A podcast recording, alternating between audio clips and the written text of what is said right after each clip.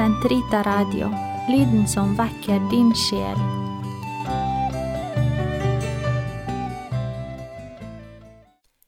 Karmels hage, episode 32. Og vi fortsetter i dag med tredje og siste program av Troens glede, der jeg har lest fra en artikkel av broder Wilfrid Stinesen som heter Troens glede. Den ble trykket på svensk i tidsskriftet Karmel i år 2000 og oversatt til norsk og trykket i høstnummeret av Lekarmenittenes tidsskrift ved Elias kilde i 2015. Vi ber innledningsvis den store pinsesalmen Veni Sancte Spiritus. Kom, O Hellige Ånd, hit ned, lysets stråle til oss led fra din høye helligdom. Far for slekts og arm og ring, gode gavers giver bring, lys i våre hjerters rom. Du som vet å trøste best, sjelens venn og milde gjest, svale tilflukts åpne dør, hvile for hver tynget mann, kjølig under solens brann, lindring når vårt hjerte blør. Salighetens lys treng inn, fyll til dypets bunn hvert sinn, som i tro mot deg er vendt. Uten lys fra guddoms vel eier ingen i seg selv noe som for deg er rent. Avtvett urenhetens spor, kveg med dugg den tørre jord, rens og hel de syke sår, bøy alt det som stivnet til, smelte frosne ved din ild, led du den som veiløs går. Skjenk hver sjel som på deg tror, vær som liter på ditt ord, dine gaver syv i tall. Kraft til enden du oss unn, og en salig oppbruddsstund, oss til evig glede kall. Amen. En ny måte å se og høre på. Jeg har lovet å ikke ta de store mystikernes erfaring som utgangspunkt, men jeg kan ikke unngå å stille meg selv spørsmålet. Når det gjelder vår redsel for de store mystikerne og deres for oss uoppnåelige erfaringer, bunner ikke denne i vår redsel for å leve så konsekvent som dem? Skillet mellom i gåsetegn høye eller lave erfaringer er ikke lenger interessant for et menneske som lar troens liv blomstre.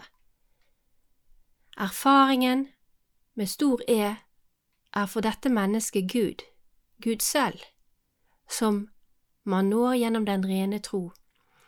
Om han gir seg til kjenne på den ene eller den andre måten, er det uten betydning. Vel, det som Johannes av Korset beskriver, er kan hende høy mystikk, men vi kan alle, i hvert fall i våre beste øyeblikk, erfare noe av denne transfigurasjonen som han beskriver. Denne minitransfigurasjonen kan gi oss en forsmak på hvordan vår oppstandende kropp kommer til å være, uten grenser, uten barrierer, i en menneskelighet fullstendig åpen for det guddommelige. Det er ikke så merkelig at vi kan foregripe oppstandelsen, vi er jo oppstått med Kristus. Kolossene 3.1 Det mennesket som erfarer dette, opplever det ikke som noe spesielt, går ikke omkring med en fornemmelse av å være mystiker og forskjellig fra andre. Når sjelen blir forankret i Gud, ser den hvor selvfølgelig dette guddommelige liv er. Den forstår hvor lett tilgjengelig det er for den som ønsker å følge kjærlighetens lov, og, som Jesus, miste sitt liv for å vinne det. Gud gir hundrefold tilbake allerede her på jorden. Om vi bare har tro som et sennepsfrø, og med omsorg og kjærlighet beskytter dette vesle frøet, kommer vi til å få se forunderlige ting. Men vil vi ha lønnen for oss selv, mister vi alt. Slik er troens lov, og det kan ingen endre på. Å låne Guds øyne Han la frykt for Herren i deres hjerter for å vise dem hvor store hans gjerninger er. Sirak 17,8 Våre sinn blir forvandlet, Våre øyne ser hvordan alt er gjennomlyst, både hos våre medmennesker og i tingene. Vi blir dioratikoi, som Guds ørkenfedrene sa, vi ser tvers igjennom det ytre laget. Og for Guds egne øyne i hjertet utgjør en himmelvid forskjell. I den fine boken Som en venn til en venn, en vanlig kvinnes uvanlige samtale med Jesus, utgitt av jesuittene i katolske bokforlaget i 1996, sier Jesus til Nicole Gosseron, aksepter at du bare ser vevens vrangside, et virvar av tråder overalt, farger som blandes, løse trådender, for alle trådene som overlapper hverandre i et eneste rot, gir et inntrykk av harmoni og enhet om man ser det fra rettssiden. Jo mer levende troen blir, desto mer ser man alt som skjer fra rettssiden. Bibelen lærer oss dette. Om vi leser Bibelen og åpen for dens budskap, lærer vi oss å se alt fra rettssiden, det vil si fra Guds side. I Bibelen vi alltid, befinner vi oss alltid på to plan samtidig, det ondes plan med det menneskelige og kosmiske katastrofer, og Guds plan der Hans andelmakt og barmhjertighet triumferer overalt. Vi kan også kalle det den provisoriske virkelighetens plan og den endelige virkelighetens plan. På det ene planet ser vi periferien, og på det andre dypdimensjonen. På det ene planet bruker vi menneskelige øyne, på det andre låner vi Guds egne øyne. På det ene planet blir alt bare verre og det synes som vi er på vei mot undergangen, og på det andre planet er alt på vei til å bli bra. Ja, alt er på et slags vis allerede bra.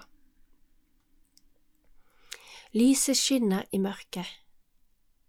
Israel vet at den egentlige virkeligheten er god, at alt hviler i Guds hånd, og derfor i dypet er bra. Derfor kan vi midt i alt mørke lovsynge Gud for at Han er lys, og for at lyset skinner i mørket. Johannes 1, 5 En illustrasjon på dette er et sitat fra et brev fra en som lever meget nær Gud. Selv om jeg befinner meg i menneskelig smerte eller midt i min egen elendighet og min egen svakhet, er likevel på samme tid Hans herlighet, den gjennomtrengende transparens som stråler fra ham, så blendende og åpenbar, liksom en annen dimensjon.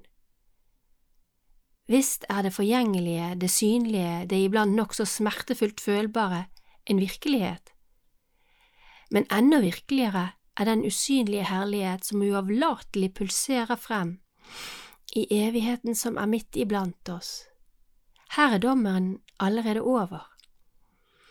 Det som ikke kan bestå i evighet, har allerede mistet sin eksistens. Skapelsen er en uavlatelig kjærlighetsakt som strømmer frem gjennom Jesu hjerte. Han bare står der i all sin herlighet, og slik blir, øyeblikk for øyeblikk, alt det skapte til. Synden har ingen egentlig virkelighet. Synden er bare at mennesket bommer på sannheten. Men uansett hvor mye mennesket bommer, er sannheten og den virkelige virkeligheten fremdeles hva den er.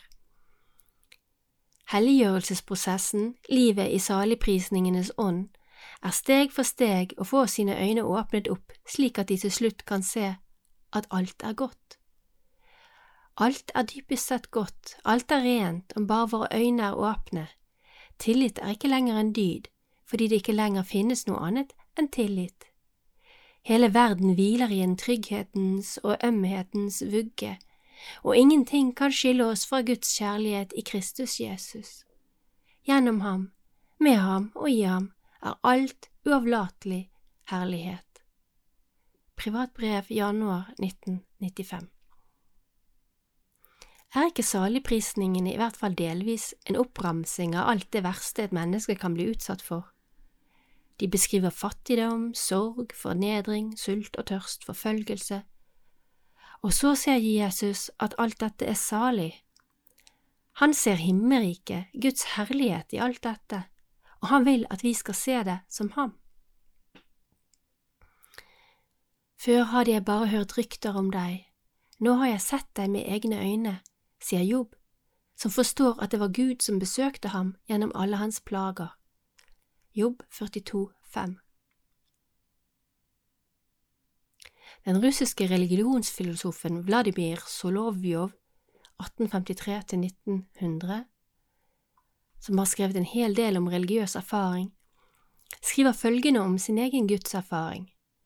Han sier at han lever i en fast, rolig visshet, i en dyp, vedvarende fornemmelse at han lever, beveger seg og er til i Gud, jf. Apostelens gjerninger 1728. At alt som skjer i verden, non sine nomine faktum, ikke har skjedd uten Gud, at det har sin dypeste grunn, sitt siste mål i Gud, at det onde virkelig finnes i verden, men at det i prinsippet er beseiret av Kristus' seier over synd og død, og at Kristus lar oss delta i denne seieren. En kjent indisk fortelling gjengir dialogen mellom en vis mann og noen arbeidere som jobber i et steinbrudd gjennom dagens hete. Han spør den ene etter den andre hva det er de holder på med. Den første vender trist, bittert ansikt mot ham. Det kan du vel se, jeg bryter stein. Den andre svarer stolt, jeg forsørger min familie. Den tredje ser på ham med lysende øyne. Gjett! Jeg bygger et tempel til min Gud. Blaise Pascal, 1623–1662, har formulert dette skillet på ypperlig måte. Vi bør gjøre de små tingene som om de var store ting, på grunn av Jesu Kristi Majestet som bevirker dem i oss og lever våre liv, og de store som om de var små og lette, for Hans allmakts skyld. Tanker, side 163 Det har vært den hellige Ignatius Aliolas 1491–1556 karisme å minne oss om at det åndelige livet ikke i første rekke er et spørsmål om kontemplasjon versus handling, men om å stå til Guds disposisjon, slik at Han kan utføre sine planer i og gjennom oss. Å se at vi utfører et Guds verk og at vi er Hans redskap, og få erfare at Gud bruker oss små mennesker for å gjøre sine under, er en utrolig glede og kilde til kontemplasjon. Troens natt Det ville ikke være ærlig å snakke om troens glede uten å si noe om troens natt. Troen rommer et ufattelig bredt spekter. Troen gjør oss seende, Jesus sier at de rene av hjerte skal se Gud, Matteus 5, 8, og Hebreabrevet sier om Moset at han i tro så den usynlige, 11.27. Mens Jesus saligpriser samtidig de som ikke ser, men som likevel tror. Johannes av Korset snakker til og med om en fe ilos radisima, en helt opplyst tro det skriver han om i Levende kjærlighetslaget 380. Men også om den mørke, dunkle troen, ja, om troens natt. En tro som modnes, som utvikler og fordyper seg, må før eller siden gjennom en mørk tunnel. Akkurat den gleden jeg har funnet i og gjennom min tro, en glede som var til stor hjelp under deler av mitt liv og som beviste for meg at det var riktig av meg å tro, Akkurat denne gleden blir så smått et hinder og blokkerer min utvikling. Min medfødte egoisme gjør at jeg ikke kan annet enn å henge fast i denne gleden, at jeg gleder meg mer over min glede enn over Gud. Jeg gjør Gud til en Gud for meg selv, men elsker ham ikke for hva han er i seg selv. I tillegg fikk jeg fikk min tro næring og støtte fra en rekke ting som ganske visst var Guds gaver, men ikke Gud selv kirkens liv, min oppdragelse, visse menneskers eksempel, åndelige bøker, lykkelige omstendigheter. Alt dette ga min tro eksistensberettigelse. Det skaffet meg argument for å tro og for å fortsette å tro, og det var riktig. Det finnes gyldige trosargumenter, men vi glemmer så lett at disse argumentene er en vei som man går og som man smått om senn legger bak seg. Det er ikke en klippe man etablerer seg på, Om min trosglede eller min, mine andre argumenter blir min klippe, sitter jeg fast i dem. Da er ikke troen en teologal dyd lenger, det vil si en dyd som når Gud direkte, men en menneskelig moralsk dyd. I den dunkle natten, når all trøst og glede synes å forsvinne, blir det åpenbart hva jeg egentlig søker. Om jeg søker Gud, som alltid overgår alt jeg kan erfare av ham, eller om jeg søker meg selv. Jeg må heller ikke glemme at jeg har valgt å følge Jesus Kristus, og at han er mest seg selv som korsfestet, når han roper, Min Gud, min Gud, hvorfor har du forlatt meg? Markus 15, 34. Der viser han sin kjærlighetsdårskap. Der får vi se hans herlighet, kjærlighetens herlighet, i hele sin glans. Hvordan kan jeg være hans disippel om jeg ikke vil være der han er?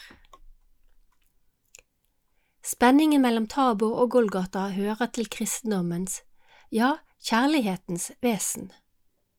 Ønsker man å bygge hytter på Taborfjellet, stanser man halvveis. Det gjelder å gå videre fra de ulike erfaringene til den store erfaringen der man blir røsrevet fra seg selv og definitivt forflyttet til Gud. Der man ikke så mye sier du er min, men heller jeg er din. Bernard Clairveux 1090–1153 Nihil sum sed tuus sum Jeg er ingenting, men jeg er din. Nattens glede Betyr det at i den dunkle natten ikke finnes lenger noen glede? Er det slutt på troens glede? Ikke i det hele tatt. Man lærer nå en ny glede å kjenne, en annen slags glede, den gleden som består i å fullstendig glemme seg selv og bare leve for den andre. Om man aksepterer å miste all sin egen glede for å glede den elskede, da får man gå inn i hans glede. Kom inn til gleden hos din Herre, sier Jesus. Matteus 25, 21. For den som er helt trofast, for den som er helt villig til å miste alt, sitt eget for å ære Gud, finnes denne nye gleden allerede i selve natten. Han trenger ikke å vente til han kommer ut av tunnelen. Herrens glede venter på ham så snart han er beredt til å bli fattig på alt sitt eget, også på troens merkbare glede.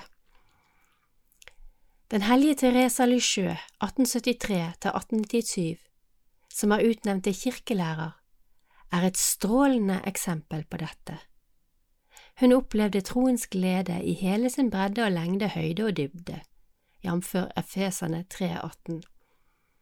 Hun hadde hatt tider spesielt når hun var 15 og 20 år, da hennes tro var så levende at hun nesten så.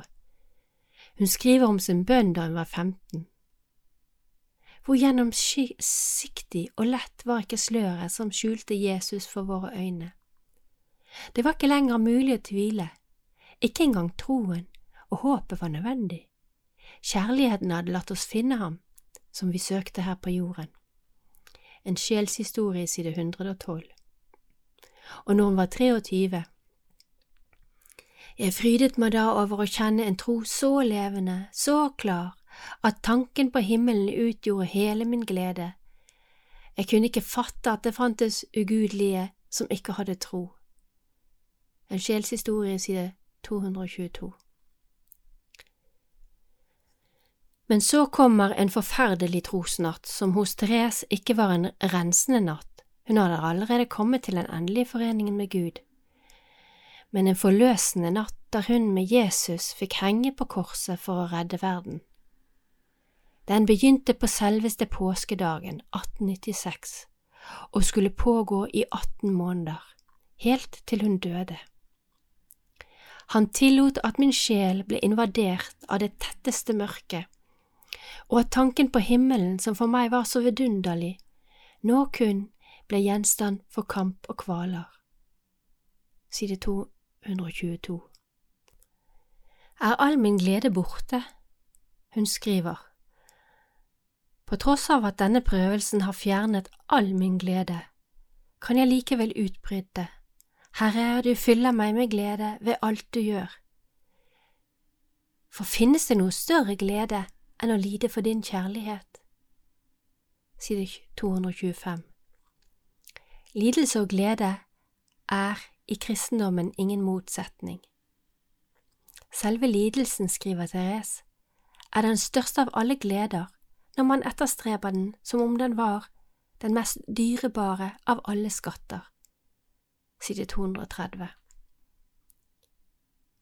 Avslører en slik uttalelse en skjult masochisme? Jeg tror ikke det. På samme side skriver hun, Jeg har i lang tid ikke tilhørt meg selv. Jeg har fullstendig overgitt meg til Jesus. Å lide er hennes måte, akkurat som Jesus, og sammen med ham, å gi sitt liv for verden, og på sin egen kropp oppfylle det som ennå mangler i Kristi lidelser for hans kropp som er kirken. Jf. Kolossene 1, 24. Fred, fred. Hun hadde tidligere skrevet, Jeg har litt meget i den tid jeg har vært her på jorden men mens jeg i min barndom led på grunn av sorg, lider jeg ikke lenger på denne måten, men i fred og glede.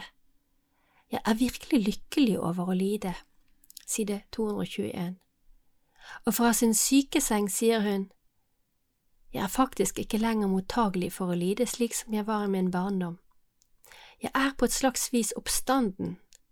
Jeg er ikke lenger på det stedet der man tror at jeg er jeg har kommet dit hen at jeg ikke lenger kan lide ettersom all lidelse er sødme for meg. Dette sitatet er fra Siste samtale, en bok som ennå ikke er oversatt til norsk, side 27. De siste månedene av hennes liv kom stadig ordet fred frem. Til moder Agnes sier hun, Mitt hjerte er oppfylt av Guds vilje på en slik måte at når man holder på med noe annet, så kan det ikke trenge inn det er noe som bare glir unna, slik som oljen som ikke vil blande seg med vannet. I mitt indre forblir jeg alltid en dyp fred, som, om, som ingenting formår å forstyrre. Siste samtale, side 61 Noen uker senere sier hun, kan du se det svarte hullet der borte, under kastanjetreet ved kirkegården, der man ikke kan skille noe fra hverandre. Det er et slikt hull jeg befinner meg i, både med kropp og sjel. Akk ja, hvilket mørke! Men likevel er jeg der i fred. Side 18 Og åtte dager før sin død. Til tross for det store mørket min sjel befinner seg i, så er den i en forbausende fred. Side 139 Fire måneder før dette hadde hun sagt, Jeg klarer ikke helt å se hva det er som jeg kommer til å få etter døden, som jeg ikke allerede har i dette livet. Jeg skal få se Gud, det er sant, men når det gjelder å få være hos ham, så er jeg allerede det her på jorden, fullt og helt. Side 20 Vi kjenner igjen Jesu ord, likevel er jeg ikke alene, for Faderen er med meg. Johannes 16, 32 han har ikke overlatt meg til meg selv, for det jeg gjør, er alltid etter Hans gode vilje. Johannes 8, 29 Å vite at man ikke er alene, at Han alltid er med, endrer alt. Det blir som, som når Jesaja sier, I all deres trengsel var det ingen trengsel. Engelen for hans ansikt frelste dem. Jesajas 63, 9. Troens glede har virkelig mange ansikter. Det lønner seg å oppdage dem. Amen.